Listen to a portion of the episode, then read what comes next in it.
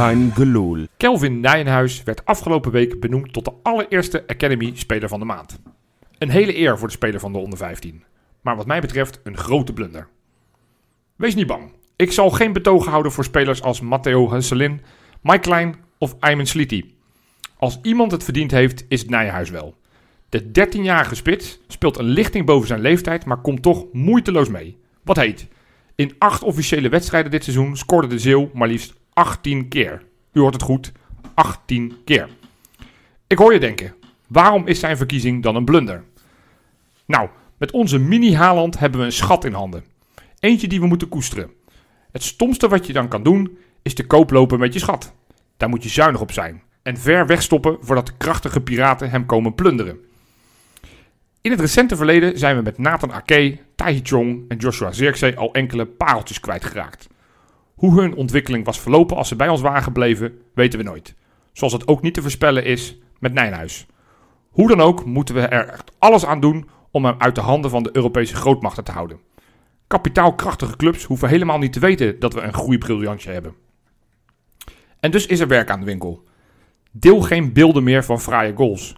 Zwijg op sociale media als hij weer eens een dubbele hattrick heeft gemaakt. Laat hem desnoods wedstrijden spelen onder de naam van de reservekeeper. Tot hij oud genoeg is voor een contract, spreken we gewoon met z'n allen af. Kelvin Nijenhuis bestaat niet. Dat is de aftrap van een gloedje nieuwe Kangeloel die ik maak met mijn twee kompanen Misha. Een hele goede dag, Jopie. Ja, en ja, ik ben blij dat jij tijd hebt gevonden in jouw moordende deal or no deal schema. Rob, jij bent ook van de partij. Ja, ja, het schema is inderdaad moordend, uh, Joop. Kom je nog een keer op die stoel of, uh, of gaan we jij de komende jaar elke keer alleen maar in die, uh, in die tribune zien staan? Ik heb besloten daar helemaal niks over te zeggen. Potverdikkie, jammer. Nou ja, dus... Nee, het, het, het, nadert, jongens. Het nadert. het nadert. Spannend. Ik ben benieuwd. Ik ben benieuwd. Nou ja, goed. Wat ook spannend was, was de wedstrijd afgelopen zaterdagmiddag half vijf, ridicuul tijdstip, ja. thuis tegen RKC. Ja. Uitslag 2-2, niet wat we van tevoren hadden gehoopt en we hadden verwacht. Nee. Allereerste vraag, we hadden hem een beetje al in de, onze WhatsApp-groep ge, ge, ge, besproken, maar ik dacht ik ga hem ook in de groep. Was het pech of was het gewoon gebrek aan kwaliteit? Ja, is het flauw als ik zou zeggen, a bit of both? Ja, dan kan jij weer helemaal niks ja, mee. Ja, dat is een beetje vlees nog vis. Kom op. Dat, was het pech of was het gewoon een gebrek aan kwaliteit? Want dat was de discussie die in onze WhatsApp-groep flink gevoerd ja. werd. Hè? Uh, nou, ik, ik, ik vind dat... Uh, ja, ik heb het gezien, maar ik vind dat een beetje een flauwe, um, flauwe vraag. Ja. We hebben nu dit jaar ook wedstrijden gespeeld waar het andersom ging. Hè? PSV uit, Slavia Praag een paar prachtige wedstrijden gezien. En dan stellen we ook niet na afloop in de appgroep uh, de vraag: was dit nou geluk of kwaliteit? Ja. Dan gaan we altijd van kwaliteit uit, namelijk. Ja. Dan is het onze kracht dat we dat soort wedstrijden goed kunnen winnen. Dat thuis van NEC in de slotfase nog winnen en nog wat kracht hebben. Om, ja, nou ja, goed, die, die wedstrijd had natuurlijk wel echt twee gezichten, maar uh, die, die nog wel goed afliep. Maar echte goede potjes, dan vragen we dit ook niet aan onszelf. Ja. Dan hebben we het vertrouwen om te zeggen, nou, dit was uh, kwaliteit. Dus ja, om nu te zeggen dat dit gelijk een gebrek aan kwaliteit is... doordat je niet van RKC wint, dat vind ik iets te, te voorbarig. Ja, ik ben het daar wel met je mee eens, uh, Rob. Eigenlijk begon Feyenoord gewoon de eerste 10 minuten rete sterk. Ja. Alleen kakte het gewoon verschrikkelijk in na een minuut of twintig. Ja. En, en in die, eigenlijk in de laatste fase van de, uh, van de eerste helft... heeft Feyenoord gewoon die wedstrijd weggegeven. Door ja, verdedigende fouten eigenlijk meer. Ja. Het was niet dat Feyenoord voetballend slecht voor de dag kwam. Verre van zelf. Want zelfs, ook al was het wat minder, hè, die uh, laatste fase van de eerste helft, maakte Feyenoord best nog wel veel kansen. Ja. Nee, maar de tweede helft ook. Kijk, ik, jullie kennen mij, ik ben een beetje Jopie Positivo. Dus ik zie Ja. altijd, het, het- bij mij is het glas half vol. Nou, de discussie in onze WhatsApp-groep voor de derde keer ging met name tussen Sjoerd, die zei van, joh, dit is gewoon pech. Weet je, deze wedstrijd win je 9 van de 10 keer met al die kansen die je Ja. krijgt. Daar waar Wesley veel meer op de lijn zat van, ja, weet je, gebrek aan kwaliteit. eh, elke keer dezelfde die de fout maken enzovoort. Nou, ik denk dat inderdaad een kern van waarheid een beetje is. Want als je de kansen terugkijkt, eh, de expected goals, die gingen door het dak heen. Ja. Eh, we hebben echt kansen te over gehad. Ik heb zelfs kansen die ineens in de samenvattingen zaten, die, die ik wel in de wedstrijd heb. Bijvoorbeeld die bal van Kukçu, die op een gegeven moment dat die keeper uitglijdt en dat die van een meter of twintig net overschiet. Dus er waren echt nog wel genoeg kansen om die wedstrijd te winnen, zeker ook in de slotfase. Ja, met Maar ik, ik, ik vond... ik vond het spelbeeld bij Vlagen wel echt zorgwekkend. En, en dan pak, ik toch ook een beetje de lijn van de afgelopen weken. RKC, natuurlijk, je weet het, die, die spelen op de counter, die, die graven zich in, die Ja. gingen met die vijfmans verdediging. Maar ik, ja, hoe weinig je er doorheen komt. Ja, tuurlijk, uiteindelijk krijg je heel veel kansen, maar dat is wel een beetje met opportun voetbal. hè? Zeker, Op de laatste minuut dat je na met Gertruida en met eh eh Uisnes die, die, die ballen. Die goal natuurlijk met- ook, hè, de, de gelijkmaker. De, de goal, de, de Om, Dessers. omhaal van Senezi. Ja, Ja. Als er iets opportun is, is dat het. Ja, en, en, en, en dan vind ik het wel zorgwekkend dat je gewoon relatief weinig kansen uit open spel in een gewoon normale 0-0 situatie. Ja. Nu krijg je dat omdat je weet van je speelt in eigen huis, je, je moet. En hè, Bijlo in de la- de laatste minuut mee. Ja. Maar ik, ik, en, en, en dan vond ik RKC er vaak heel goed uitkomen. En ik vond we daar niet scherp. Die Odgaard is helemaal geen wereld, wereldspits. Ja, Maar- die speelde maar- echt de beste maar- wedstrijd van ja, zijn leven. Maar het, ja, maar het was ook wel door Feyenoord. Want hoe vaak die soort van dat die Feyenoord-verdedigers half ingrepen. Dat we dachten, nou ja... Terwijl je op een gegeven moment zie je, hij is een linkspoot. Hij wil naar zijn linkerbeen. En hij kon echt werkelijk alles doen wat hij er maar wilde. Ook bij die goal. Maar dat was sowieso Niemand- wel, hè, als RKC eh, ging opbouwen, dat, dat Feyenoord normaal gesproken veel meer druk op de bal heeft dan dat ze de afgelopen wedstrijd hebben gehad tegen RKC. Het was nu allemaal maar half-half. En als jij half druk gaat zetten en ja, je bent daar dan niet op tijd bij, ja, dan, dan word je ook makkelijker weggetikt. Ja, dat was, dat was, En dan kom je altijd met een man minder situatie op dat middenveld. was volgens mij in de eerste helft nog, was er een, eh, een beetje aan het einde, was er een situatie waarin het publiek het een beetje beu werd. Ja, En jagen, jagen ging roepen. En toen... Normaal was die wisselwerking zeg maar fijn. Nu kwam die heel verkeerd uit. En er kwam geen goal uit hoor. Dus, dus desastreus was het niet. Maar er werd jagen, jagen, jagen gescandeerd. Op dat moment dachten er een paar... Oh ja, laten we eens gaan jagen. Dessers onder andere volgens mij. En ehm, de, de Linsen... Die gingen wel jagen. Maar je zag gewoon... Dit is, dit is te laat. Nu moet je niet meer jagen. Nee, het heeft geen zin meer. Nee, nou, En toen waren twee, drie, vier paasjes en RKC stond er ongeveer op onze 16. ja. Zonder gewoon een rondetje te doen. Lekker rondtikken, inderdaad. En, en dat vond ik wel, eh, dat, dat, dat, dat vond ik in die zin zorgwekkend. Dat ik dacht, ja, die, die energie hebben we echt totaal niet om dit te doen. Of de discipline, of... Ik, denk, ik denk dat het ook een stukje onderschatting heeft. Ja, twee goals. Ik, kijk, het, het- wat ik, waar ik echt moe van word. En ik wil toch weer het belerende vingertje naar al onze luisteraars. En naar ook zelfs onze eigen groepsgenoten. Altijd dat zwarte pieten op het moment dat er dan eh, een wedstrijd verloren wordt. Of in dit geval niet gewonnen wordt van RKC. Dan moet je er altijd iemand die de zondebok moet zijn. Senezi is het nu heel erg. Ja, die speelde niet goed. Echt niet. Nee. Maar bij de, hoe die bal verspeelt. Er er is geloof ik nog v- 15 passes voordat het uiteindelijk een doelpunt oplevert. In de Ja. tussentijd is er ook niemand anders die erin grijpt. Hè? Bijlo bij die eerste goal, hè, vind ik hem ook weer niet sterk. Elke, elke crossbal tegenwoordig, eh, eh, bal in de verre hoek, laat Bijlo door. Ik vond Trauner niet op z'n allersterkst. Nee. Ik vond Malasia, die trekt gewoon die lijn van de vorige periode, trekt hij door. Die was ook niet goed. Ik vond Linsen niet sterk. Ik was, Til was onzichtbaar. Dessers was, was desastreus. Nou ja, eh Kukçu was niet goed. Da- dan hou je weinig over. Ik, ik Ja. kan maar weinig voldoendes uitdelen. Nou, Hebben jullie iemand, ja, ik weet niet, vergeet ik er een? Was er Nou, een voldoende? ik, ik, ik vond, ja, ik, ik vond, ik vond de invalbeurt van Nelson Ja. wel verfrissend. ja, Ja. zeker. Daar was ik wel blij mee. Eens. Ik was denk ik met Nelson begonnen in plaats van met Dessers. En dat baseer ik dan op om hè, die eh, minuten die hij dan heeft gespeeld. Met, met, hij is best wel onvoorspelbaar, hij is snel. En waar Feyenoord echt moeite mee had, was eh, ruimte achter de verdediging zoeken van RKC. Feyenoord, die, die stond daar al. En als jij met die hele kleine ruimtes daar al gaat staan, ja, dan wordt het ook gewoon een hele lastige wedstrijd. Ja, en, En met maar- hem kan je gewoon nog eens een keer proberen die bal achter die linie te geven. dat kan met Dessers ook. En dat werd in het begin, bijvoorbeeld, geloof ik in de vierde minuut werd Theo een keertje diep gestuurd. Ik heb een keer Senezi volgens mij een bal op, op Dessers zien gaan, dat die bal die over, overwipt. Ja, maar het, het spel stond, zeg maar, eh, er was te weinig beweging om dat, zeg maar, te kunnen forceren. Nou ja, en dat, dat, dat is in Ja. de verschillende praatprogramma's wel voorbij gekomen. De, de wisselwerking Til Dessers, die was echt niet goed. Nee, nee. Linsen als linksbuiten, eh, ja, ik vind het daarom nog te had vroeg ik- om te concluderen dat dat, dat dat niet meer kan. Maar ik, ik vind dat wel echt een, Nou ja. een stapje terug. Maar daarom had ik voor Linsen gewoon gekozen voor in de spits, want dat heeft tot nu toe altijd gewoon prima gewerkt. Ja, En de manier van druk zetten is bij Linsen gewoon net even iets feller dan dat het bij Dessers was. Ja, nou, ik vind, ik vind dat deze, de, de, de, de defensieve arbeid die Dessers verricht heeft, vind ik niks op aan te merken. En ik vind dat hij Ik hard zeg ook gewerkt niet dat het heeft. Alleen, slecht was, en- Johan. het, het oogt Maar- echt ongelukkig dat je vaak, dat, je, dat hij gewoon dacht, ja, of nu moet je gaan, of nu moet Ja. je juist niet gaan, dan moet je bal Het enige, vragen. enige wat ik hem wel aardig vond doen, met name de eerste helft, was dat ik af en toe dacht, ah, hij, zie, hij ziet de ruimte wel die hij heeft. En af en toe kreeg hij een aardige steekbal. Vaak was hij net te hard, kwam net niet uit. Oké, hij loopt in ieder geval wel redelijk slim. En hij staat ook wel gewoon op de goede plek ook. Dus dat, dat vond ik nog wel voor een pleit. Hè. Dus laten we ook niet gelijk... eh, dat gaan we ook niet doen natuurlijk. Des is helemaal tot, tot aan, de, aan zijn knie toe afzagen. Nee, maar ik zag hem ook niet af. Alleen, ik zou altijd kiezen voor iemand die dat nu al bijna het hele seizoen al heeft gedaan. Ja, Ja, Maar ja, ik, goed, vind dat ik-. Want ik dan hou je gewoon automatismes gok- in je team. Ik vind, en, en, en als je het hebt over van waar ik soms een beetje moe van word, weet je, Slot nogmaals doet bijna alles goed wat hij, eh, wat, wat hij doet. Maar hoe die praat over Nelson, die doet echt alsof we die van de vierde klasse amateurs hebben Ja. opgepakt met een trainingsachterstand van vier maanden. Die heeft dit seizoen heeft hij gewoon nog, is die ingevallen bij Arsenal. Ja. Een Premier League club. Ik kan mij toch niet vertellen dat ze daar helemaal geen reet doen en dat zijn gozer niet soort van al fit is. Ja, hij was blijkbaar was Nelson zelf wel eh, onder de indruk van de trainingsintensiteit. Hè? Ja, nee, ik geloof ook echt wel dat Slot misschien intensiever traint dan dat ze bij Arsenal doen. En ik geloof echt wel met het moordende tempo wat ze in, in Engeland hebben met de vele wedstrijden Dat die elkaar minder, vol, eh, dat ze minder trainen, trainen, en, en wat minder focus hebben op de reserves. Dat snap ik echt allemaal echt wel.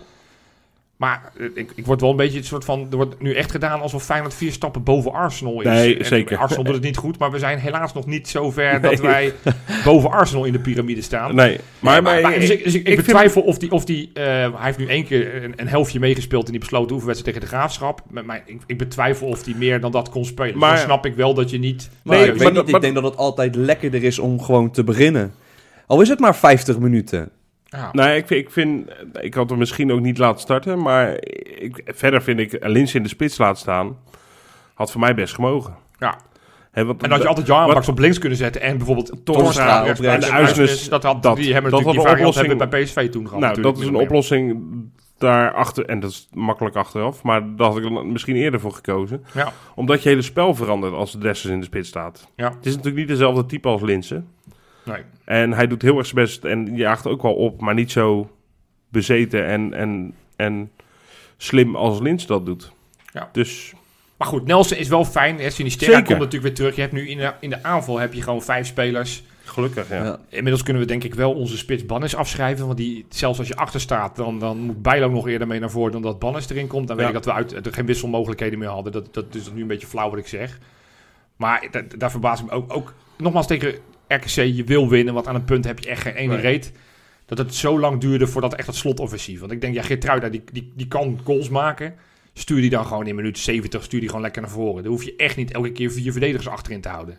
Dat, dat vind ik gewoon. Ik vond, ik vond Slot dit misschien wel zijn slechtste optreden tot nu toe. Als het ging om tactiek en hoe hij de wedstrijd benaderd Ja. heeft. Ik vond, want het was, het was wederom een vijfmansverdediging.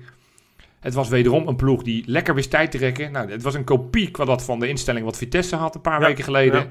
Daar kwamen we er niet doorheen. NEC heeft natuurlijk ook met vijf man weliswaar minder tijd rekken. Maar het, het, het recept om Feyenoord te verslaan of het Feyenoord moeilijk te maken... is gewoon heel compact met vijf verdedigers achterin spelen. Ja. Beetje tijd rekken. Ja, dan, dan heb je een Ja, en zet de om klokken maar op gelijk dat nog heel veel clubs dat ja, gaan dus, doen. dus, dus, dus dan is het fijn dat je nu zo'n Nelson als extra wapen gaat Ja. krijgen. Eh, en, en laten we nogmaals, het was één wedstrijd. Voor hetzelfde is die volgende wedstrijd niet om aan te gluren. Maar ik, ik, mijn, zijn invalbeurt beviel me wel. Dus dat herken ik wel wat jij zegt. Ja. Eh, Dus dat vond ik eh, nog positief. Ja, verder positief dat, dat, dat Til weer scoort.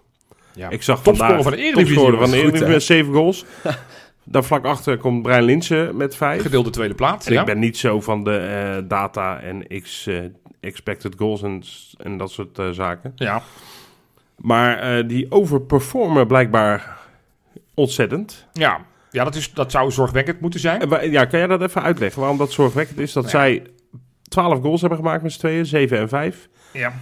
Maar overperformen, dat betekent eigenlijk dat je, dat je beter presteert dan men dat dan verwacht. Ja, het, het, het, is, als ik het simpel wil uitleggen, expected goals meet hoe groot de kans is. Hè, op het moment dat jij één op één op de keeper gaat, is de kans groter dan wanneer je van 30 meter schiet. Ja. Hè, dus op, op het moment dat je één op één op de keeper gaat van 4 meter schiet, dan is je expected goal is hoger Logisch. dan nogmaals die, die, die bal van 30 meter die je kan schieten.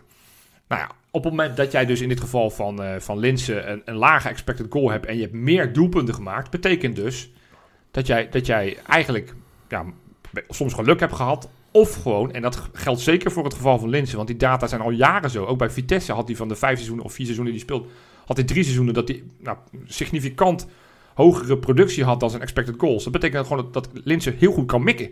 Ja. Nou, dat is op zich wel handig als een aanvaller. Dat je goed Zeker. kan mikken. Ik bedoel, Ja, ik moet zijn eens- schatting dan niet hoger gaan zitten dan? Nee, want zo, zo werkt het model niet. Het model kijkt gewoon gemiddeld op basis van als je daar op het veld die bal schiet met je linker of met Dus je voor. Messi en voor Mitchell tevreden is, dat hetzelfde. ja, precies. Is, is, Ja. Nou ja, exact, exact. En daar waar Wesley Verhoek waarschijnlijk een expected goal van 0,002 heeft, of nee, 0,002 goals output heeft, heeft misschien Linse er keer, keer 8, omdat hij veel makkelijker en, en simpeler schiet. Dus ja, het is iets waar je zorgen over kan maken. Tegelijkertijd, hè, als je dan toch echt expected goals... Ja, deze wedstrijd had Feyenoord gewoon duidelijk moeten winnen. Ja, we hadden bijna vijf doelpunten moeten maken. Ja, de modellen zijn anders. De ene, ene statistieke bureau had het op drie, de andere op vijf. Maar laten we zeggen dat we in ieder geval tussen de drie en de vijf goals hadden moeten maken. En RKC nog één max één. één. Ja, precies. Ja, dan weet je dat je de wedstrijd gewoon eigenlijk jezelf ja, niet beloond hebt met al die kansen. Want het waren er nogmaals echt heel veel. ja. We kunnen zo allemaal een rijtje opnoemen van... van wat, wat, wat vond u de grootste gemiste kans? Ja, die van Dessers. ja. Die echt moest hij de- schieten of moest hij hem afgeven? Hij moet, had gewoon moeten schieten, maar ik kreeg Ja, dat bij- deed hij, maar Ja, niet ja, goed. maar gewoon beheerst. Ja. Dit was gewoon wild. Dit was, Ja. Ik kreeg echt zo'n Lex Immers gevoel. ja. en Ja, dan, dat was een goeie. kreeg echt een Lex Immers. Ik dacht, ik had gelijk een flashback terug naar Dynamo Kiev thuis. Dat, dat Immers bijna op de lijn stond van de goal. En nog, en nog presteerde om tegen de keeper Ja. aan te schieten. Ja. Dus ja, iets beheerste. Maar ja, weet je, het is gebeurd. En, eh, Ja, ik, vond, ik vond die van Geertruida ook wel aardig hoor, die kans. Zo één op één op de keeper, zo met die, met die, met die bal van, eh, van Bijlo die die met Ja, zijn borst ja, eh, ja, in de slotfase, die, die had er ook wel ingemogen. Maar goed, ja, weet je, het is zonde nogmaals. Het is echt zijn dure punten, want nou, dat is het. Dat, dat, dat is echt calculeer je eh, normaal gesproken dit gewoon drie punten. Ja. Ehm, maar ik ben niet zoals ik ook heel veel supporters nu meteen Jantje lacht, Jantje huilt, dat het nu weer helemaal niks is en alles is kut en het is Nee, vreselijk. en, en, we, en, we, echt- we worden geen, en we worden 25ste, wat op zich knap is in een competitie van 18, maar het, gaat, het gaat echt, het gaat, en, en da- ja, ik snap dat nogmaals wel, want de ene wedstrijd Klopt. is gewoon heel erg goed en de andere wedstrijd is gewoon iets minder. Ja. De laatste paar weken vind ik ietsjes minder. Ja. Ik, ik noemde het NRC, Vitesse en nu deze. Dat, Nou, dat, ben- dat, is, dat waren niet de beste wedstrijden. Misschien ergens maar goed dat we misschien nu een klein beetje dat dipje hebben. Dat we naarmate het seizoen straks vordert, dat, dat we niet meer zo erg terug kunnen vallen. Want we hebben de lessen getrokken uit de wedstrijd tegen RKC, tegen ja, Vitesse. dat zou... Kijk, zo zou ik het Nou, ik- gaan ik- ik- benaderen als ploeg. Ik hoop vooral dat, het- dat, dat we hebben het niet al te lang geleden hadden we het over onze Bermuda-driehoek. ja. Nou, die is weg. die is gewoon echt weg. Ik bedoel, eh, elke wedstrijd krijgen we nu in ieder geval één of soms wel twee maar dat, tegengoals. dat had, heeft ook te maken met de scherpte. Dat, Nou ja, maar, maar, maar dat is dus wat ik dus nu hoop. En, en, ik weet niet wat er aan de hand is, want Senesi, het is nu niet zijn eerste fout. Trouwner vind ik al minder scherp. Ik noem net Bijlo, die ik ook weer niet per se... ja, Het is geen fout, maar, maar het is elke diagonale bal, die gaat er gewoon in. Ja. Terwijl ik denk, ja, volgens mij zijn dat wel houdbare ballen. En, en, en, en als we Ja. daar gewoon iets scherper... Want, wat, wat het begon, voordat die, die, die Senesi die vreselijke inspeelpaas heeft... Een minuut ervoor speelt hij een bal gewoon naar Malasia. Malasia laat die bal over zijn voet, zo over de zijlijn. Ja, klopt. Toen Ja, zag je al een beetje van, nou, dit, oh, dit, we gaan weer. Het, het wordt, we- ja, je we- zag het echt weer in. helemaal. En je voelde ook echt die 1-2 aankomen. Ja. Die zag je mijlen ver aankomen. En we hebben er wel een beetje zelf om gevraagd. Hè. Als Wesley 8-2 gaat voorspellen en als afgelopen donderdag in onze podcast Anita belachelijk wordt gemaakt. Ja, dan zal je zien wie scoort hè. Die dwerg Anita. van 1,12 meter. 12 met Zijn allereerste kopgoal. Ja, nee, dat was pijnlijk. Jongens, zullen we weer wat gezelligers en leukers Ja. doen? Bakens in de vette. Ja, hier heb ik zin in. Ja, en terecht, want het was weer een, een goed weekje. Het was weer een weekje waarin ik mensen ja, buiten de bakens moest houden, ondanks dat ze gescoord hebben of goed gepresteerd. Oh. Ik zeg Gessel McGraw, ik zeg Smolov, zit er gewoon niet in. Zit er gewoon niet in. Op nummertje drie. Ja, toch eh, nog steeds een contractspeler van ons. Voor de vraag is nog voor hoe lang. We gaan naar Duitsland. We gaan naar het tweede niveau in Duitsland. Robert. Bozenik. Ja. Yes. Vooralsnog moeizaam in eh, Duitsland. En dat heeft niet alleen te maken met zijn sportieve prestaties waar ik zo op kom, maar ook hetgeen wat hij af en toe in de media zegt. Want hij had laatst een interview en dan zei hij doodleuk van ja, dat hij niet verwacht dat hij langer dan een jaar zou gaan spelen bij Düsseldorf. Want hij zou er alleen blijven op het moment dat ze promoveren. Nou, Dat gaat lastig worden, geloof ik. nou ja, maar dat vind ik sowieso. want Ik bedoel, de competitie is nu acht wedstrijden onderweg. Dan vind Ja. ik het wel bijzonder dat je nu al zegt, we zijn kansloos voor de promotie. Dus, eh, maar hij zei daar doodleuk in een bijzin ook nog bij. Ja, het zou ook best wel kunnen dat er in de, deze winterstop al een bod komt. En dan ga ik daar ook eh, serieus over nadenken. Niet heel dankbaar. Niet sterk. Zo, nee. En als je nou zegt, de ene bal naar de andere bal raakt schiet, zou ik zeggen, dan heb- mag je praatjes hebben. Maar vooralsnog is hij meer wissel dan basisspeler. ja, ja. Deze week was het wederom zo dat hij wissel was. Hij speelde tegen HSV, de nummer 3 van de, van de tweede Bundesliga. 20 minuten voor tijd kwam hij erin bij een 1-0 achterstand. Terwijl zijn ploegje met 10 man speelde. Maar hij deed wel wat hij moest doen. Hij snoerde mondjes. Had hij kreeg een bal voor zijn voeten en die schoot hij in tegenstelling tot Dessers wel in. 1-1 was ook de eindstand. Goed, hey, op nummer 2 ook een, ja, het- toch, eh, eigenlijk zullen mensen die hier weer wat van vinden. Dat hij eigenlijk niet in de bakens mag zijn. Omdat zijn inbreng bij Feyenoord te minimaal was. Maar ja, ik, ik, hij heeft in ieder geval het Rotterdamse nachtleven heeft hij goed vermaakt. Eh, ik denk dat er over een maand of nou, een paar maanden... dat er ook wat kinderen zullen rondlopen in Rotterdam... die eh 1,23 meter zijn, blank als de neten zijn. Ik heb het over Liam Kelly. Oh, Hey! De vrouwenverslinder uit, eh, uit, uit Ierland. Die, eh, nou, die speelt tegenwoordig bij Rochdale. Het vierde niveau in Ja, Engeland het gaat nogmaals. lekker. hè, zeker. Nou, het gaat lekker. Niet per se ook met hem. Want sinds hij daar speelt... Elke keer als hij minuten mocht bij zijn werkgever... Verloren ze. Verloren ze. En hij krijgt niet zo vaak minuten dan. Hij is eh, niet heel vaak... eh, eh, Sommige mensen zijn ook niet geboren voor geluk, hè? Nee, nee. Nou, dit weekend... kan dus, wel? Dus, dus dat, hij, dat, hij, dat hij dit weekend wissel begon, Stappen. dat was vrij logisch. Oh, Eh, eh, bij een 1-1 stand kwam hij in de 68e minuut binnen de lijnen. En dat was een goede wissel. Want hij had, het- nou, niet heel veel later had hij een, een afgeslagen bal vanuit een corner kreeg hij, eh, voor zijn voeten. Hij kapte een man heel goed uit. Hij schoot hem echt heel beheerst netjes in het hoekje. Oh, 2-1 dacht hij er de winnen te maken, maar in de 93e minuut 2-2. Dus wederom heeft hij nog niet gewonnen in competitieverband Nee. met zijn Rochdale. wat erg hè, die gast. Ja, Jeetje. ja, nou goed. Hey, iemand waar we echt ons niet voor hoeven te schamen dat hij ooit Feyenoord heeft gespeeld, die, die, die, die kan ons best wel trots maken, ondanks dat hij niet per se een gelukkige tijd bij Feyenoord heeft gehad, is de nummer 1 van deze week. We gaan naar België, we gaan naar Brugge. Ruud Vormer had weer zijn eerste basisplaats na en een blessure en een tijdje ook gepasseerd, Ja, wat hij was ja, geweest. Hij was Echt een beetje op ramkoers met zijn trainer. Hij heeft een beetje moeilijk. Maar hij was weer basisspeler, aanvoerdersband om. En die dacht, weet je wat, ik laat zien dat ik inderdaad wel kan voetballen. Want eh, in de wedstrijd tegen Kortrijk kreeg hij na, eh, ja, kreeg hij na 20 minuten een... eh, of nee, wat zeg ik? Een half uur kreeg hij een, een vrije trap. Metertje of 25. Keihard in het kruis. Lekker. De 1-0. Was dat het? Nee, dat was hem nog niet. Want iets later kreeg hij, eh, nou, vlak in de blessuretijd, ja, van de eerste helft, krijgt hij gewoon een bal voor zijn voeten als een spits. En die, die tikt hij onbeheerst, of die, die heel beheerst tikt hij binnen. Ja. 2-0 eindstand. Was dat het? Dat was het. Oh, wel. Oh, ja, keurig. Maar dat is hartstikke knap. Staan op een gedeelde eerste plek. Weet je wie er samen met Ja. op één staat? Die club van eh, Nieuwkoop, hè? Ja. Nog steeds. Die staat nog steeds op één. En wat, ja, dat is niet per se leuk voor Nieuwkoop. Ze stonden dit weekend met Nieuwkoop in de basis 2-0 achter bij rust. Nieuwkoop werd gewisseld. Zijn 2-2. vervanger scoort een hat-trick. Dus dat weet je niet. Zijn vervanger. ja, Waar speelt Nieuwkoop dan? ja, als rechts wingback. Dus, eh, maar dan nog. Dus, dus ja, of dat is natuurlijk niet lekker voor je. En uiteindelijk wonnen ze 4-2. Dus daarom staan ze nog steeds op eh, gedeelde eerste plek met, eh met Club Brugge. Oeh, zo dan. Knap. Afgelopen week waren daar ineens Rini Kolen en Koen Stam... die ja, een visiedocument presenteerden aan ons, de Feyenoord supporters. Ja. Een visie voor ja, eigenlijk de hele jeugdopleiding, ook voor het eerste... waarin zij ja, een beetje vertelden van wat wij nu ongeveer mogen gaan verwachten van Feyenoord. Ja. Ja. Hebben jullie het, hebben jullie, nou, document hebben we natuurlijk niet in kunnen zien. Het schijnt een, een mega dik document, 60 60, pagina's, pagina's, ja. schijnen te zijn. Dus wij moeten het doen met eh, de uitleg die, eh, die gegeven is in het Feyenoord Magazine van, eh, van beide heren. Ja. Die ze samen opgeschreven hebben met Frank Arnissen in eh, samenwerking met Sportsology, uiteraard. Want die, Dat is dat bureau dat, Dat is in, het bureau inge- ingehuurd eh, is. Hè, om te kijken hoe Feyenoord beter kan eh, draaien. precies, precies. Wat, wat, ja, wat, wat vinden we ervan? Ja, sowieso een goede ontwikkeling dat Feyenoord nu eindelijk gewoon eens een keertje gaat komen met een eigen visie. Ja, Hè, hoe wij onze jeugd straks makkelijker naar het eerste kunnen laten stromen. Maar ik vind het persoonlijk vind ik het wel erg laat.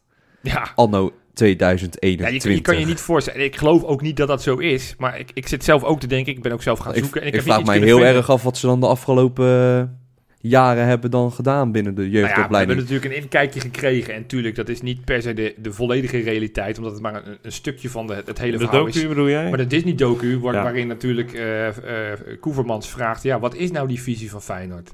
En dat het toen stil bleef. Dat het toen akelig stil bleef. Ja. Nogmaals, niet alles in de media is altijd precies als Is. Dus het kan best zo zijn dat dat op een mooie manier geknipt is... en dat er best wel wat gezegd is... maar dat het ja, voor het eh, entertainmentgehalte wat eruit gesneden is... om Ja. het, eh, het, eh, het sensatie wat groter te maken. Maar, maar dat, dat insinueert wel dat die visie er dus blijkbaar niet per se al op papier is. Nou, dat niet ik- elke trainer op het moment dat je een contract tekent... dat je meteen een document krijgt van het inwerkprogramma... van nou ja, hey, ga eerst dat document eens lezen. Ja. Dit is wat wij van jou als trainer verwachten. Want dat betekent ook... En dat zien we natuurlijk ook wel een beetje. Als je gewoon alleen naar het eerste kijkt, want dat is natuurlijk het meest in het zicht. Van Dick Advocaat naar Arne Slot. Ja. Ja, dat, dat, dat, dat is zo'n... Dat is niet met dezelfde visie. Is, de, zijn die twee mannen aangenomen? Nee, nee, nee, nee, niet echt. Nee. En dan snap ik dat Dick Advocaat in eerste instantie natuurlijk als tussenpauze kwam om, eh, om eh, Jaap Stam op te volgen. Ja. Ja. Maar, maar ja, hij heeft daarna wel een contractverlenging gekregen voor nog een seizoen. Ja, en als je nu kijkt wat er met, met, met Arne Slot gebeurt, dat is een totaal andere Ja. koers. En dat lijkt totaal niet te, uit te leggen met, met hoe die vorige trainer in vredesnaam hetzelfde beleid, als dat al dus zo was. Dus ik Nee, ben helaas wel een beetje bang, eh Micha, dat, het, dat er nu, nu pas ermee komen. Dat ze al die tijd gewoon maar wat gedaan hebben. ja, maar ik verbaas me daar niet over. Kijk, dat dat zo geweest is. Hoezo Feyenoord dan niet? Nou ja, gezien het voetbal. En dat bedoel Ja. ik niet dat het slecht was. Maar dat je wel af en toe wel het gevoel kreeg, ook spelers die je haalde, ja, dat, ik, je kreeg nooit echt een hele duidelijke uitlegging waarom die speler dan per se een toevoeging is op dit Feyenoord. Nee. Hè? We hebben nooit een, wijze van spreken, als dat je visie zou zijn, dat je een stofzuiger op middenveld... Dat je een- uitleg krijgt waarom Liam Kelly vooral goed was. En niet alleen maar voor Ja. het nachtleven van Rotterdam. Nou, dat is eigenlijk best een goed, goed voorbeeld, ja. ja. Nou, bijvoorbeeld dat. Maar dat Hè? is precies zo'n speler die waarom, gewoon gehaald waarom, is. waarom Prato eh, een, half uur, een half jaar gehaald is. eh, Ja. Nou ja, dat- en, en dat gaat nu niet meer gebeuren. En dat is mede dankzij... Ja, is, dat- is dat zo? Want Dat ik, denk ik echt. Dat denk ik ja, ook wel. ik, ik, ik, ik hoop het. Weet je, dat is natuurlijk Kijk. ook de enige juiste koers die we moeten varen. Want, want is het niet zo? Kijk, die voetballerij is natuurlijk vrij opportun, hè? Het Jo. is natuurlijk... Nou ja, oh ja, vertel ik iets nieuws. Nee, vertel- nee, maar het is meer dat ik... dat op mij te zeiken over dood eh, doen? Nee, nee, maar wat ik meer probeer te zeggen... eh, we hebben nu goud in de handen, niet alleen met Kelvin eh Nijenhuis, waar ik in mijn aftrap over begon, Ja. maar ook met onze hoofdtrainer. Dat is, dat is natuurlijk de hoofdprijs. Dat, die die Ja. heeft een visie, die weet het goed uit te leggen en te doen. Die gaat vroeger of later een keer weg. Ja, het moet gewoon precies dan eenzelfde heb je- soort trainer staan. Ja, daar. maar, ja, maar, maar dat, dat, ja, maar dat, dat vind ik dus wel interessant. Ik ben het met jullie eens voor de duidelijkheid. Dat je, dat je vanuit een soort van visie iets moet gaan doen. En daarop zeg maar je beleid en dus ook je spelers en je, dus je trainers moet aanstellen.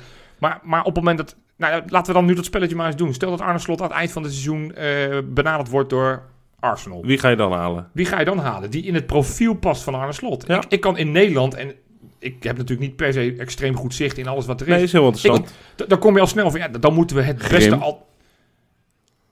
Nou ja, dat, Wim Jong Wim zou ik Jong. zelf meegekomen Nou ja, zijn. Maar goed, even, dat, nou ja, dat, dat, dat zou kunnen. Maar, maar, dan is het lijstje daarna niet Al zo... vind ik Wim Jong dat hij bij, bij Volendam doet hij het aardig, zeg maar. Zeker met het materiaal wat hij heeft. Ja. Maar Nee, we hoeven die discussie... echt, ik hoop eh, dat we nog, voorals, vooralsnog, dat Arne Nee. Heel lang bij ons blijft. Maar dit, dit is duidelijk. eh, ik kan me ook niet voorstellen, hè, want in dat stuk van Feyenoord Magazine kwamen Arnes, eh, Stam en Rini Kolen. eh, Ja. voor, voor de volledigheid heb jij nog niet genoemd, Jopie. Ja, Ik wil even gedaan hebben. We weten allemaal wie Arnes is. Koen Stam weten we ook, maar die is head of methodology. Ja, En Rini Kolen is hoofd jeugdopleiding. ja. Hè? En Koen Stam, hebben we al eens een keer gezegd, die is dus verantwoordelijk voor het Juist. feit dat de onder 12 eh, hetzelfde doet en hetzelfde Ja. eh, filosofie en hetzelfde speelt als Echt als Feyenoord eerste. 1. Ja. Ja, precies. Om uiteindelijk het gat, of de stap naar de Kuip kleiner te zo maken. soepel en zo vloeiend mogelijk te Ja. maken. Dat niet zo kan zijn dat je bij de, bij de onder 14 eh, eh, de 4-3-3 speelt en jaar daarna 4-2-2, 2, 2, hoeveel twees? Ik weet niet, maar goed, in ieder geval een systeem. Ja, nee, je snapt wat ik bedoel. Nee, ja, precies. En ik, ik vind het fijn. eh, ik vind het heel fijn dat dit er is. Ik vind het ook ehm, van een beetje professionaliteit getuigen. Ja, Ik heb nu namelijk het idee dat er organisatie breed, dus eh, nog net, nou, dat eigenlijk de enige wie, voor wie het niet heel veel uitmaakt is de koffiejuf. maar de rest is ongeveer wel hierbij betrokken. Want ik denk ook dat scouts op deze manier ja, op pad worden gestuurd. op pad worden gestuurd. Of Ja. in ieder geval met dit in het achterhoofd gaan kijken naar spelers. Ja. En ehm, dat vind ik wel interessant. En natuurlijk, het zijn allemaal geen robots. Iedere speler is toch wel net wat anders. Maar als je ze inderdaad al zes jaar lang in hun jeugdopleiding kan laten wennen aan een bepaalde speelstijl, een bepaalde intensiteit, dat komt vaak terug hè, in dat document. ja er zijn vijf kernwoorden. Nou, wat een mooie brug. Intensiteit, Ja. initiatief, attractiviteit, variatie en dynamiek. Dat zijn natuurlijk wel hele grote, brede woorden waarvan ik denk, ja, Precies. Dat, dat, dat, dat- is dat per se Feyenoord? Want ja, hoe, want dat is wat ik me ook wel eens afvraag. In hoeverre is dit onderscheidend ten opzichte van Vitesse, Ajax, Twente, Ja, het is... Groningen? Ik, Eigenlijk waren we zonder visie onderscheidender, denk ik. ja, gewoon dat we maar wat deden. Dat we Ja. gewoon eh aanklooien en kijken, kijk, kijken waar het schip strandt. Ja, Nee, maar het, ga- het, is, ook, is ook beleid. Is ook het gaat hier vooral meer om... ehm, hoe gaan wij als team druk zetten op een tegenstander? En wat doen wij met bal en wat doen wij Ja, zonder maar- maar bal? daar, be- daar begon Koen Stam in datzelfde Ja. artikel ook over. Van wat, bijvoorbeeld des Feyenoord zou moeten worden. En dat is wel grappig, want op de dag dat we het opnemen, maandagavond, vanmiddag even, we hebben de onder 21 gespeeld. Ik heb die wedstrijd gekeken en ik heb natuurlijk dit rapport in mijn achterhoofd, had Ja. ik. Ja. Want er werd onder andere gezegd, bij balverlies moeten we altijd direct in sprint druk zetten. Ja, Ja. in En, sprint. en met- in balverovering moeten we altijd kijken naar de bal naar voren te spelen. Ja. In eerste instantie. De halfspaces zijn gigantisch belangrijk Ja. voorin. Ja, nou, ik, daar heb, met, die, met, met die bril heb ik dus nu naar onder 21 gekeken. Dat, Niks van dat- gezien. Daar heb ik nul van gezien. Nee, maar de onder, onder 21 hebben we eerder al een titel gehad. Hadden we het ook over gehad. Eh, kijk eens naar eh, meneer Dame. Hè? Dat is de, de trainer Meneer van... Dame. Of hoe heet die gast? Van, eh, de trainer van de vrouwen? Mulder. Ja. Mulder, Danny Mulder. Sorry. Ja. Eh, hebben we al eens gekeken, ga eens naar Danny Mulder kijken. Onder 21 is op dit moment wel een beetje de dissonant van Feyenoord. Dat mogen we best stellen. Ja. Dus laten we daar niet te veel focussen Nee, maar het is, meer, het is meer dat ik... Dat, ik, ik dat, dat, dat, dat de resultaten niet altijd even goed zijn... Ja, dat snap ik ook wel. En ook bijvoorbeeld in de, Ja. in de, in de rest van de jeugdlichting. Er is bijvoorbeeld geen enkel jeugdteam in, vanaf de, de, de onder 12 of hoger die eerste staat. Ze zijn allemaal tweede of lager. Ja. De onder 21, die doet het inderdaad het slechtste. Die, want die, die, nou, die staan nu zijn eigenlijk ge- ge- geklommen naar plek 6 van de Ja. 8. En die moeten in ieder geval niet 7 of 8 worden, want anders degraderen ze na de winterstop. Dus in zoverre was die overwinning tegen Heerenveen hartstikke goed. Maar, maar je, je kijkt toch met, met die visie. En dat vind ik dus fijn, dat, eh, dit- dat die visie niet alleen maar soort van in twee A4'tjes een beetje soort van samenvattend wordt gebracht. Ik denk dat het goed is voor ons dat we gewoon elke keer alles wat, wat er nu gedaan wordt, dat we, dat we dat gewoon kunnen meten. Dat we Ja. zeggen van ja, op het moment dat we nu een linksbuiten halen, Ja, moet hartstikke- in binnen dat spel hartstikke leuk en aardig, passen. maar dan moet die, eh, Ja. of het nou onder, eh, linksbuiten voor de onder 16 is, die wat misschien minder in het zicht is nogmaals, of een linksbuiten voor het eerste, Ja. dat je weet, het is een speler die druk moet zetten, die, die ruimtes moet vinden, die creatief, nou ja, pak Ja. je die vijf, intensiteit, initiatief, attractiviteit, ik, ik, variatie, ik geloof dynamiek. daar ook wel in, dat dat gaat gebeuren. Alleen, weet je, dit is pas de eerste seizoen dat, dat ze met dit aan het Waarom? werk zijn. Dus weet je, geef het ook wel een klein beetje de tijd. Misschien volgend jaar, rond deze tijd, kunnen we nu al zeggen van... Ah, we, we zien dat de onder 21 stappen heeft gemaakt. Al zullen de meeste dan wel doorgeschoven zijn. Maar of een onder de 17, een onder de 19. Dat de- die spelprincipes steeds meer erin inslijten. Weet je, weet je, het is heel grappig wat ik nu ga zeggen. Van waar ik het, zeg maar, wat ik net vertelde, hè, van in balverlies dru- druk Mhm. zetten in sprint en in balverovering meteen een bal naar voren. Weet je waarbij, bij, bij welk team ik dat het meest Ja, zie? bij de Bij de vrouwen. Ja, bij de vrouwen. Nee, het is echt zo. Die goal tegen PSV van, ja, die eh, van, van de Lavoie. De bal naar voren, Pia Rijstek met een fantastische aanname en een balletje breed op, eh, op eh, ja, Maxime Benning. Ja, Doelpunt. Ja, dat was, dat was, daar zat ik echt van. Ik vond overigens Feyenoord echt waanzinnig goed spelen. Ik, heb- zeker de eerste helft, daar heb ik van zitten genieten. Wederom, ze winnen weer een topper 2-1. Staan nu gewoon qua verliespunten op de eerste plaats. Zeg nog, ze hebben een wedstrijd minder gespeeld Ja, dan de daarom, nummer 1. Als, hè? als ze die winnen, dan staan ze gewoon ze eerst bovenaan. als, Ja. als nieuwe ploeg. En ik vind het heel mooi dat ze... En alles wat ze nu doen, roepen... Nee, nee, nee, we, we kijken wel waar het schip strandt. Nee, geen druk. Nee, we zien het wel. Geen druk opleggen. Dat hebben ze echt ingedoctrineerd gekregen. Ja. Maar ja, ik ben Slim. zeker sinds vorige week, sinds Anouk Boshuizen bij ons in de podcast was, ben ik wel een beetje verliefd geraakt op dat team. En ik, eh, ik volg ze met eh, zeer veel maar, interesse. maar, Maar eh, Anouk het- heeft het toen ook aangegeven hè, dat ze met eh, dit aan de slag ze zijn proberen gegaan. dat, ja. Ja. En, en natuurlijk ben je een beetje afhankelijk van je materiaal en de breedte. Want hè, dit kost wel energie. Ja. Deze manier van spelen.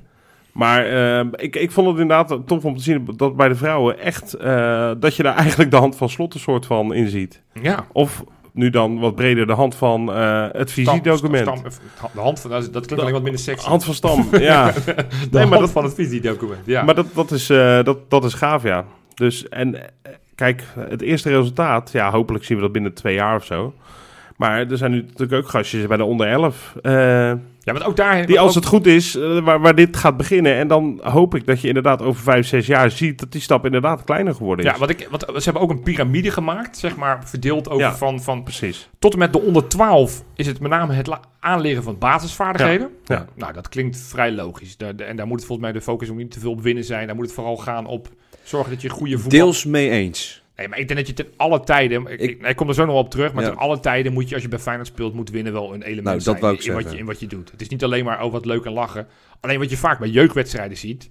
Ja, nogmaals, ik, ik kom weer met mijn favoriete... fa- ja, dat jij nog niet aangegaan bent op het feit dat die gozer uit jouw dorp komt, eh Nijenhuis. Dat hij uit Zierikzee... Ik denk, jij gaat daar zeker wat over zeggen, Michel. Ken je? Ja, of ik, niet? ja, ik ken hem, ja. Vet. Over jouw amateurvereniging, of Ik niet? kom uit am- mijn amateurvereniging. Ook nog, ja. Maar goed, Vet hoor. kijk, wat je vaak bij die wedstrijden ziet, dat zijn uitslagen 4-4. Ja. Eh, dit weekend was het geloof ik al- 12, eh, 12-1 tegen... dus die, wat je daar vaak ziet is één of twee fysiek sterkere spelers, maar dus ook één of twee fysiek minder sterke spelers die gewoon een kop kleiner zijn. Ja. Ja. d- daar, daar heb je gewoon een beetje problemen mee. Want ja, Ja, klopt. dus, dus dus, dus dat je niet alleen maar kijkt naar winnen en verliezen. Want het kan zo zijn dat als jij twee centrale verdedigers bij de onder 16 alle twee 1,30 meter zijn, maar wel verwachten dat ze een groeispurt krijgen. Ja. Ja, dan is ook hoge bal zijn ze de lul. Maar op het moment dat ze wel fantastische voetballers zijn, dan kunnen het natuurlijk wel goede voetballers worden in de toekomst. Ja, zeker. Dus we moeten niet te veel Nee. staren op resultaten. Maar goed, dus tot en met de onder 12 is het aanleren van de basisvaardigheden. Ja. Bij de onder 13 en onder 14 is het hoe te trainen. Ja.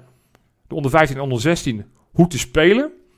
Onder 17 en onder 18 hoe te strijden. En onder, onder 21 hoe te winnen. Nou, dat, dat lukt dit seizoen dus nog niet per se goed bij de onder 21. Nou, kijk, oké, hier, nou, ik, ik wil niet zeggen, ik haak hier af, maar eh, hier zal heel goed over nagedacht zijn. Ja. Hè? Daar ga ik even vanuit. En Koelstam en Rini Kolen schat ik ook in als zeer capabele mensen. En Arnissen, hè, niet En vergeten. Arnissen. Ja. Eh, dus dit zal niet zomaar even, maar ik, ik vind dit wel al gaan richting eh, wat, je ook wel eens met van die hippe bedrijven hebben, eh, die, die, die dan ook met de vier W's gaan werken. Scrum Master. Is die er weer? Nou ja, zo'n beetje dat. Ja, dit, dit zijn wel een beetje nog. het is nu een beetje hol allemaal. Nou, iedereen die een KNVB-cursus heeft gevolgd, weet dat dit gewoon de basisprincipes zijn wat valt onder leeftijdscategorieën. Oh ja, is dat zo Nou, dat je bij, het is gewoon bij senioren pas echt moet gaan winnen en daar alles Nou, onder- vanaf de onder de 19 staat het voor eh, prestatiegericht. Of je hebt ook een hele lichting die altijd bij onder de 19 kappen met voetballen. Of Ja, ja. eh, je- dan Ja. kom je op een leeftijd van, oké, nu ga ik serieus voor het eerste. Of ik kap met voetballen, of ik ga in een bierhelftal. zeg Ja, maar. of, of je wordt ineens, je wordt ineens arts zoals Splinter de Mooi. Nou dat ja, zeg maar, dat, is, dat, is, dat heeft Feyenoord natuurlijk. Hè? Nee, dat, dat klinkt nog een beetje hol. Kijk, ik zou het, ik zou het gaaf eh, vinden als dit allemaal ook tot uiting komt en zichtbaar wordt bij die elftallen.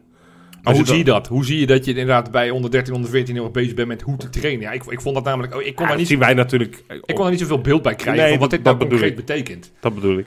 Ehm, Dat vind ik ook moeilijk nu wat, nog. wat ik namelijk wel interessant vond, het was een... Nee, ja, ik snap dat wel. Ja?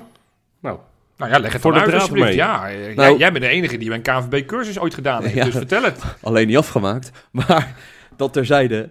Maar oh, hoe te trainen is gewoon... ehm, de oefenvormen zijn zo ge- gericht dat het straks eh, in een wedstrijd automatismes zijn. Oké. Dus als ze die vormen kennen, dus bijvoorbeeld ehm, middenvelder komt inlopen en er moet iemand overheen, dan zijn dat patronen Aanvallende die al moet jong aangeleerd worden, Ja, juist. ja, ja. En zo gaat dat elke keer een gradatie hoger. Want dan word je dan eh, op het moment van balverlies, even, hè, et cetera, et cetera. Dus daarom snap ik wel dat ze da- daar al mee beginnen. Want hoe verder jij komt, hoe hoger je weerstand wordt. En ja, hoe meer jij als voetballer zelfstandig wordt geacht om in een wedstrijd te kunnen schakelen en dat soort dingen. Maar voetbal is ook heel veel automatismes hebben in een elftal. Ja. Eigenlijk is een echt de grootste basisprincipe is je organisatie. Dit is echt... Misha gaat... Ja, het is het al heb trainerspet op en die Ja, gaat los. het is echt zo. Maar dat, nu heb ik wel het idee, nu, nu praat je, eh, de organisatie, dat gaat vooral over het team. Dit gaat natuurlijk ook Over Heel erg over- individueel. persoonlijke Ja, ja. ontwikkeling. Dat is dat wat je in alles doorleest. Ja. Van het gaat niet zozeer over het team, maar het gaat veel meer over het individu. Nou ja, dat is En- en- natuurlijk en wat, ik in de hoofdstad al, al volgens mij al jaren doen. Ja, Daar gaat het niet om winnen. nou ja. Ja, va- vast bij de hogere elftallen. ja. Maar dat, Maar wat ik, wat, ik- dat ik- spreekt ze ook wel hardop uit. Van, wij gaan voor talent ontwikkelen. en het, ik vond het heel belangrijk, want ook zo, zo heb ik nogmaals die wedstrijd van onder 21 afgelopen maandag tegen Heerenveen ge- gekeken. Is van, van een zin die Koen Stam in dat interview zei: van hoe kan het dat een bepaald talent nog niet in Feyenoord 1 speelt? Ja. En wat is er dus voor nodig om dat wel voor elkaar te krijgen? En dan denk ik, dan kijk ik naar de talenten die daar meededen. Dan denk ik aan Benita die nu als rechtsback speelt. Of dan denk ik aan Hartjes die op het middenveld speelt. Milan Balde in de, in de spits. Of in, in- als, als, als links of rechts buiten. Banis. Dat zijn allemaal spelers. En Milambo die, die tegen het eerste aanzitten. Ja. Ja, ik, ik, ik, ben, ik, ben, ik, ben, ik heb wel een beetje verstand van het spelletje. Maar ik denk van, ja, er zijn een aantal dingen die inderdaad nog ontwikkeld moeten worden. Om uiteindelijk de laatste stap te maken. En dat zou goed zijn. Denk ja, nou, ik. bij de ene Ik kan vind dat bij Feyenoord ook altijd heel vaak tegenvallen, zeg maar. Ook op het moment dat zo'n Boetius debuteerde. Dat het zo'n, ja, het eh, heeft ook een beetje te maken met zijn lichaamsbouw. Dat je niet zo, eh, de een maakt wat sneller spieren aan dan de ander. Maar ik denk dat dat bij Feyenoord ook wel een gebrek is geweest aan, aan hoe zorg jij ervoor dat jij als jong ventje fysiek in staat bent om gelijk mee te kunnen op eredivisie niveau. Ja, nou, ik, ik, ik, fysiek Nee, dat is echt belangrijk. Zeker in Ja, ja, het tuurlijk, hedendaagse het voetbal, Dat, dat ben ik met je eens Dat, dat, eh, het, dat het fysiek belangrijk is. Maar ik vind het nog veel belangrijker dat iemand kan voetballen. Want fysiek kan je dat nog wel bijtrainen. Ja. Nou, ja, ik, ik weet, weet niet of ik dit mag aanhalen, maar een, een verschil qua debutant met Bannis of Bobby qua, Ja, nee. snap tuurlijk, je? Tuurlijk, maar dan is de enige zegen... Maar als je dan over Bannis hebt, als je ziet wat hij de afgelopen jaar aan spiermassa erbij gekregen heeft... Maar hij is er niet beter door gaan voetballen. Nee. Het, is, het is niet als ik hem nu zie dat ik denk, oh, ja, die, die, die zit er echt aan te komen. Hij, haakt, hij, hij- drijft eerder verder weg van het eerste dan dat hij dichter bij het eerste komt om, om ba- basisspeler te worden. Dus ik snap wat je zegt. eh, eh, Fysiek is altijd belangrijk. Maar dat wordt volgens mij ook steeds meer gedaan. Ook dat zag je in de Disney-documentaire. Dat op een gegeven moment de opmerking werd gemaakt. Hoe kan het in vredesnaam dat eh Kostas Lamproe hier zo lang in die, in, die keeper, eh, als, in die opleiding heeft gezeten. Terwijl we wisten dat hij nooit langer dan 1,72 zou Ja, dat, worden. vind ik, dat vind ik oprecht een, echt een terechte. Nee, dat, dat er wordt gekeken naar fysieke... Want dat is natuurlijk zo. Leroy Fer, daar kan je makkelijker vanuit de jeugd. Die kan, sluit makkelijker en sneller aan bij het eerste. Ja. Met zijn lichaamsbouw toen Ja. hij een jong ventje was. Ja, Dan een Kelvin Leerdam, om maar eens wat te noemen. Die, die moet veel meer doen. Tegelijkertijd moet je ook dan weer kijken per positie. Linksbuiten kan meer weg met een wat frellere lichaamsbouw dan tuurlijk. ja, een, een centrale zeker. verdediger. Hè? Sven van Beek, als je het hebt over fysiek, stond er wel meteen. Ja. Dus, dus, dus dat daarnaar gekeken wordt, goed, snap ik helemaal. Nee, maar hoe dat dan samen gaat. Maar het is zeg meer, maar. Wat, ik, wat ik daar interessant aan vond, is van... Als je dan naar Hartjes kijkt, een groot talent... eh Milambo kijkt, groot talent. Die hebben wel twee andere behoeftes waar ze nu aan moeten ontwikkelen... om uiteindelijk die volgende stap te maken. Hè, Hartjes bijvoorbeeld vind ik nog heel vaak de verkeerde keuze maken. Milambo, als je het hebt over fysiek... die zie ik nog niet in de eredivisie overleven... als die elke week moet spelen met zijn fysieke gesteldheid als middenvelder. Hartje Ja. toch ook niet. Iets ook niet, nee, eh, eens. Maar goed, eh Jordi Klaasie, die was Nee, niet heel veel groter en niet heel veel sterker. Ja. En die heeft het uiteindelijk ook gered in de eredivisie op die positie. Ja. Dus daarom zeg ik ook van, fysiek moet niet het belangrijkste zijn. Want je moet ook niet elf Leroy Vers in het, ver- in het veld hebben. Want daar win je uiteindelijk ook de strijd niet mee. Nee, klopt. En wat ik heel graag zou willen, en, en daar hoop ik echt op. Want ik, zit, ik, nou, ik heb dat volgens mij een paar weken geleden ook al met jullie een keer gedeeld. Ik zit echt te wachten tot de eerste echte voorhoedenspeler die doorbreekt. Ja, en en, minstens 10 doelpunten maakt. Want volgens mij is Boetius de laatste Nou, je aanvaller. Meer, je hebt meer aftrap genoemd, hè? In Kelvin dit Nijhuis. tempo, eh, over twee jaar staat hij er hoor. Ik, eh, die zou zomaar eens straks Milan uit Zou, het, eh, precies, zou, zou dat de jongste ooit Hij- kunnen worden? heb, je, heb je die foto gezien? Want hij Ja. was dus genoemd tot, tot eh, Academy Speler van de Maand. Voor Ja. het eerst dat we die prijs hebben gedaan. Ja, Hij is Vervolgens- echt flink gegroeid, hè? Ja, maar er was een foto dat hij naast Bannis, naast Kukcu en naast eh, Malaysia staat. Het is dat hij een beugeltje in heeft en wat, wat puistjes heeft. Waardoor je ziet, hey, dat, dat is de onder, der- onder 15 speler. Van 13 nogmaals. In Ja. februari wordt hij pas 14. Anders, qua lichaamsbouw en fysiek, ja, zie je het verschil niet. En dat is natuurlijk ook het gevaar. Dat hebben we in het verleden ook al gehad met een Lucas Tanjos. eh Ashabar op een bepaalde manier. Maar ook El Moussaoui, die nu in de jeugd eigenlijk Ja. een beetje een terugval heeft. Ja. Die hebben het op jongere leeftijd altijd op fysiek gehad. En op een gegeven moment is dat fysieke voordeel weg. Daarom vind ik het fysiek niet het belangrijkste in de jeugd. Vind ik met name die kwaliteit en die, Nee. die, die techniek vind ik veel belangrijker. Ja. En ja, dan, dan helpt Maar met fysiek bedoelde ik meer op het moment dat jij van een onder de 19, onder de tw- 21 naar een eerste gaat, moet je wel ehm, zo sterk zijn qua lichaam, qua, qua alles, om daadwerkelijk bij Feyenoord 1 te kunnen presteren, zeg maar. Daarom, zou, dat dat daarom bedoelde ik meer. presteren en moeten ze zo snel mogelijk die piramide in. Aanstaande donderdag. Wedstrijd nummer 3 in de Conference League. ja, ja. Met vier punten krijgen wij thuis Union Berlin op bezoek. Dit wordt de belangrijkste wedstrijd. Van het jaar Zeker. of van de week Nou, of van, van de van de- maand? van- of wat Voor is de komende periode zeker. Want we gaan nu eh, thuis tegen Berlin spelen. Daarop volgt een uitwedstrijd naar Berlin. En als jij aankomende donderdag gewoon die drie punten pakt, ga je daar al met een goede Ja, drie ja, punten met- voorsprong. Met, met zeven punten, heel scherp. Ja, zeker. Heb jij, jij hebt de rekensom goed gedaan. nee, maar, ja. maar het is wel zo. Nee, maar Dit- het is toch gewoon zo? Nee, ja, zeker. Maar daarom vroeg ik van, wat, het is een belangrijke wedstrijd, zeker. ja, Eh, Ik bedoel, als je... Kijk, die Conference League is dit jaar natuurlijk extra spannend, omdat je eigenlijk eerste moet worden. Want je wil die tussenronde wil je liever niet hebben. Nee. Want dan krijg je de nummer drie van de Europa League tegen je in die eerste tussen, tussen knock-out fase. En, en ik vrees persoonlijk, vrees ik gewoon heel erg voor die uitwedstrijden. Daarom dat ik zoiets heb van, nou weet je, we kunnen beter gewoon met zeven punten afreizen naar Berlijn. ja, Want dan maar kan dat- je in ieder geval nog één nederlaagje permitteren. nou ja, ik denk dat niemand het daar oneens mee zal zijn. Ik denk dat iedereen inziet van op het En moment dat je wat... kennende. Ah, daar gaan we weer. Ja, het ouderwets, eh het, het fijne... Nee, maar ik weet dat Rob me nu bijna vermoordt, maar ja, ik, ik heb echt zoiets van, do or die. Oké, ja. Maar ik goed. ook. Oh, Ik jij ook? Ja, ja, Oké, ja, dus ja, we zien ja. allemaal wel de ernst van deze wedstrijd in. Ja, ik denk dat eh gelijk spelen wel eens eh, fataal kan zijn, ja.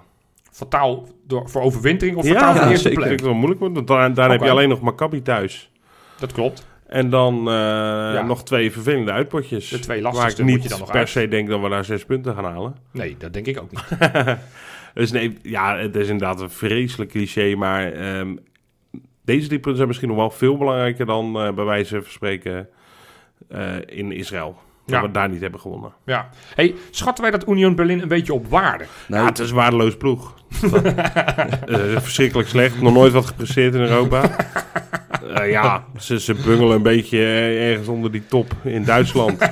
nee, ik vrees dat Union Berlin wel. Ik heb de wedstrijd teruggekeken van eh Wolfsberg thuis, die ze afgelopen weekend hebben Heb je gespeeld. die hele wedstrijd teruggekeken? Ik heb heel de wedstrijd gekeken. Wolfsburg, hè, voor de zekerheid. Wolfsburg. Ja, niet Wolfsberg. Wolfsberg. Ik Dat, zei- ik dat, zei dat je die wedstrijd, wedstrijd in het Nee, je, je combineerde ze. Je zei Wolfsberg. Dus ik dacht, nou, wat verwarrend. Ja, het is verwarrend. Maar ik Moet je niet zo boos aankijken? Ja, maar ik snap het. Maar goed. Ik snap ja, het ook. bad, Rob. Ja. Oké. Nee, ik, ik vind het... Het wordt echt een lastige ploeg. Want ze gaan, hun gaan ook 3-5-2 spelen. Och, nee toch. Ja, hun spelen Oh, 3-5-2. nee. En ehm, hun gaan ehm, de ruimtes onwijs klein maken. Ja. Hun hebben daar eh, twee slopers op het middenveld. Eh, Kadira, Rani Kadira is het broertje van Samir Ja, Kadira. ja. Die is Oh. onlangs gestopt.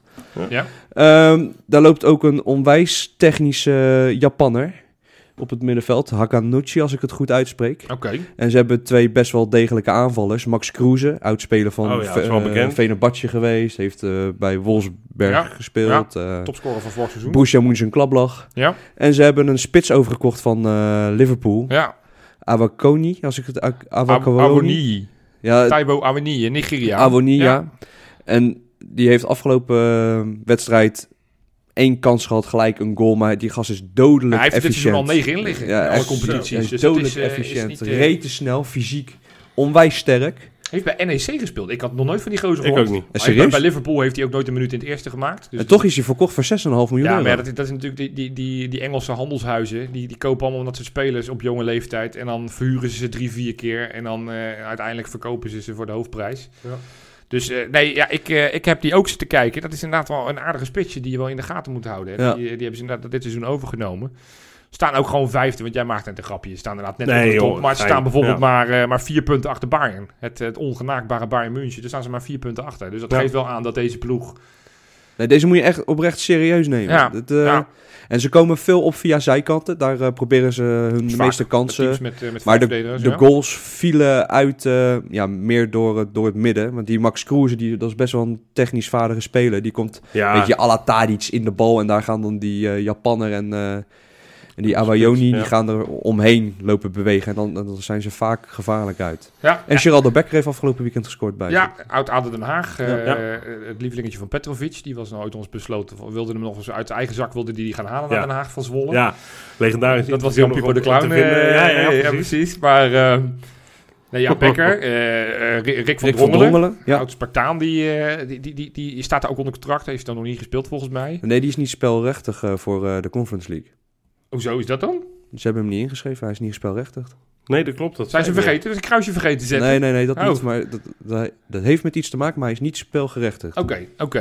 Nee, en, en wat ik ook zag, ja, dat had ik dus niet zo scherp. Ze hebben daar Baumgartel lopen Ja, achterin. klopt, ja. Nou, op zich, dat Van- vind ik... die van PSV. Ja, die Ja. hebben ze gehuurd. Dat vind ik dan op zich wel positief. Want Baumgartel heeft niet een hele goede indruk. Maar dat mag ik waarschijnlijk niet zeggen van de luisteraars. Nee, dat mag- zien. Ja. Hou je bek. Nee, maar hij speelt Ophouden. Nee, maar het, niet. het, geeft, het, het geeft aan, weet je, Becker, Baumgartel, dat waren natuurlijk niet de toppers in de eredivisie. Maar het zijn, het zijn wel spelers die, die, die gewoon echt wel wat kunnen. Blijkbaar, en, ja. en, en ik, ik heb een beetje in de, in de data gedoken. Hè, we hebben natuurlijk ja, we hebben veel geld voor neergelegd. De datakoning. De, data, de datakoning. Normaal gesproken doet Sjoerd het op de donderdag. Maar ik dacht, ik ga er ook eens wat doen.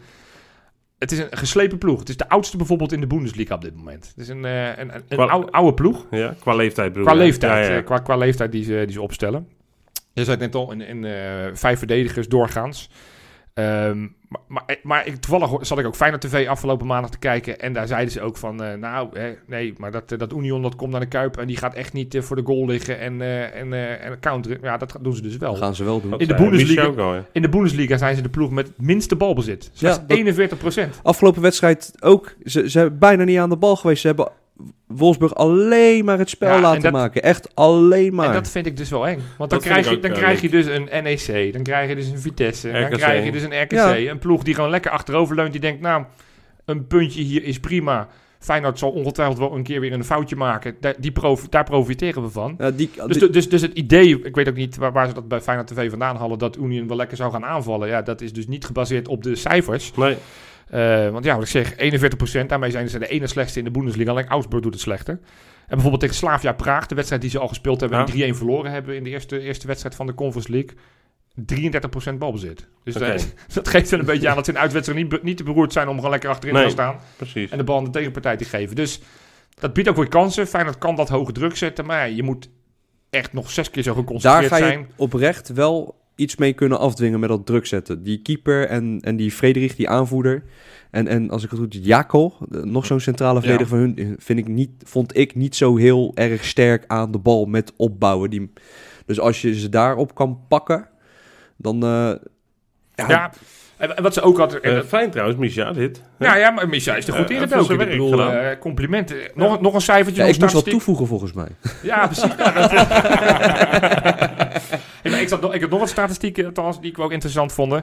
Ik vergelijk het dan met de Bundesliga. Ik vind het niet zo interessant in wat ze in de Conference League doen. Want ja, weet je, dat is... de- twee potjes ook. Twee potjes, Ja. dat zegt niet zo gek veel. Maar in de Bundesliga dan heb je een beetje een idee van hoe of wat voor soort speelstijl ze hebben.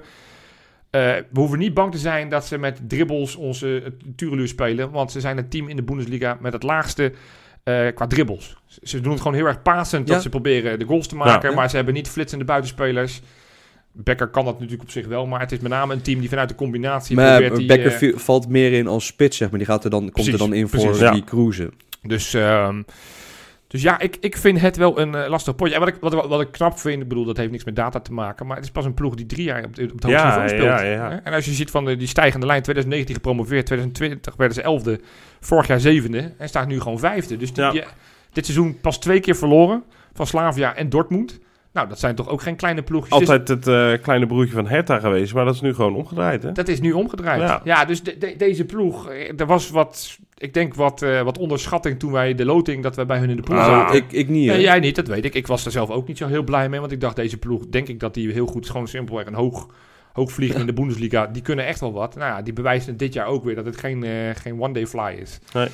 Nee. Kortom, ik vind het best een lastig potje. En ik Vol uitvak, Ook dat. Vol uitvak. Nou, 2400 geloof ik. het zou ook wel leuk zijn als we een keer Nou ja, wat te horen krijgen van het uitvak ik denk daar. dat ik langzamerhand gewoon alvast die kant op rij. Ja, Want ik denk als ik hier in Nederland nog een kaart moet kopen, dat ik niet op tijd in Berlijn ben. eh nee, nee, nee. Dat wat een is... verschrikking, hoe- ja, sorry dat ik het zeg, maar ik word er helemaal gek van. Ja. Ik stelde en ik snap best wel dat je niet alles deelt eh, of kan delen. eh, alle informatie die je wel en niet hebt. Maar ik, ik- nou, iedere dag zijn er volgens mij tientallen supporters die vragen: hoe staat het er nou mee? Wanneer begint de verkoop? Ja, zodra we dat weten, hoor je het. Ja, dat snap ik. Dat, je, dat we het wel een keer horen. Ja.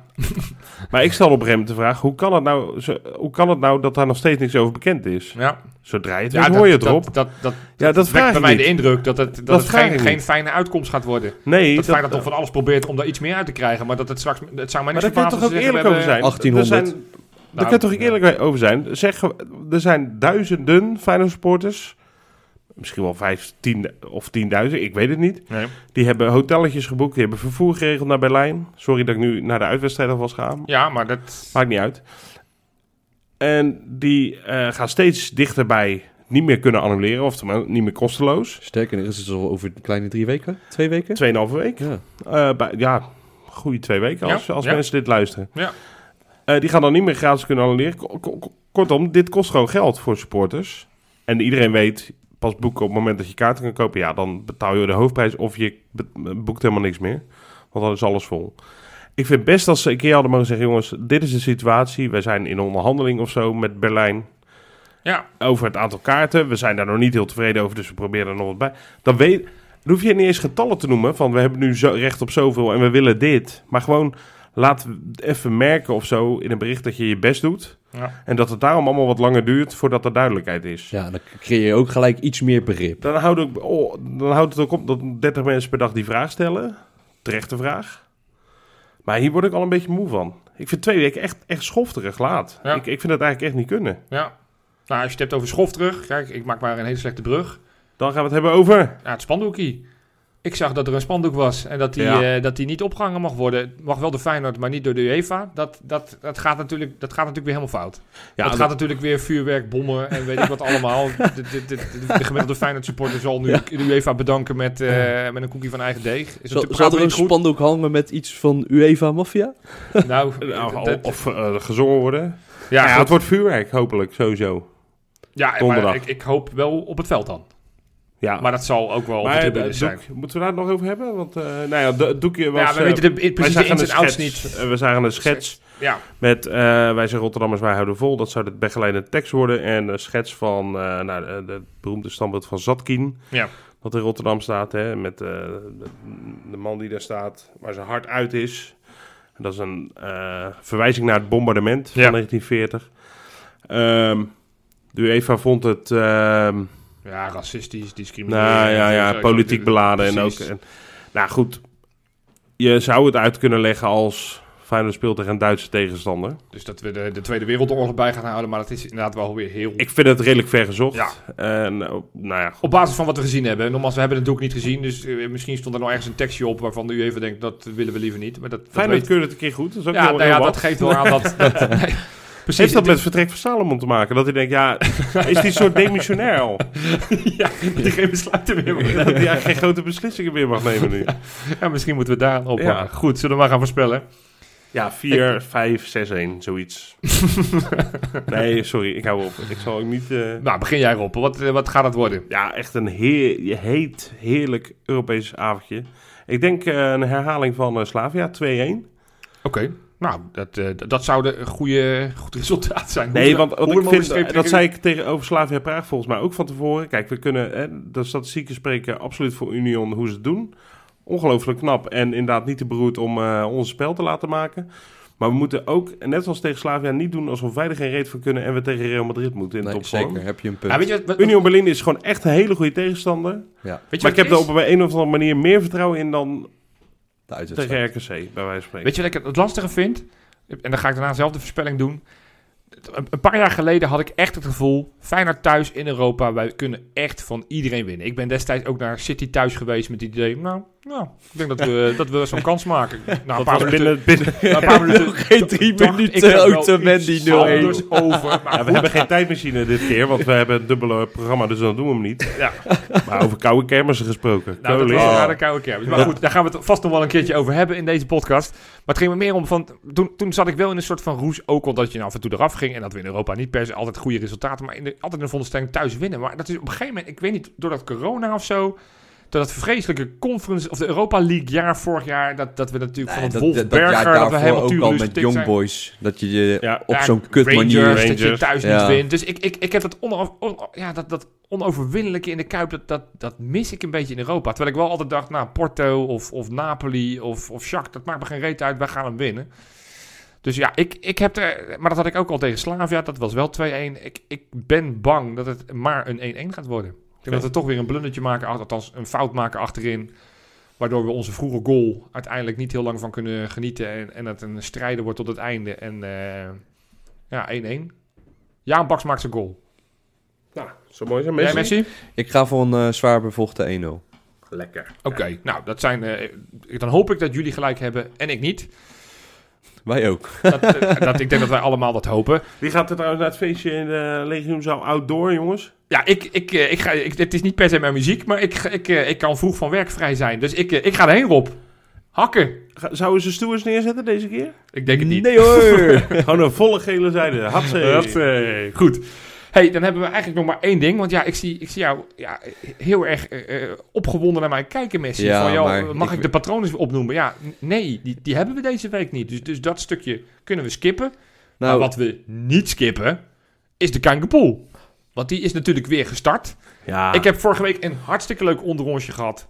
Met El Geffe, Geef, hè. de winnaar van Ja, de eerste periodetitel. eh, het Kijkelol jubileumshirt eh Wij hadden bezorgd, een mooi hè? shirt. En nou, het is dat hij in Zoetermeer woonde. Maar ik had er bedacht, ik hou dat er gewoon in. Ik hou dat er gewoon in. Dus ook bij de volgende prijs. Tuurlijk. Die loopt nu tot de winterstop. Dus, de dus iedereen is weer gewoon, kan we gewoon volle bak meedoen. Ja. Degene die de tweede periodetitel, mits in Nederland. Want ja, voor je het weet woont straks iemand in Argentinië. Dan moet ik op mijn... Maar je, je rekent deze ook los bij, hè, dan?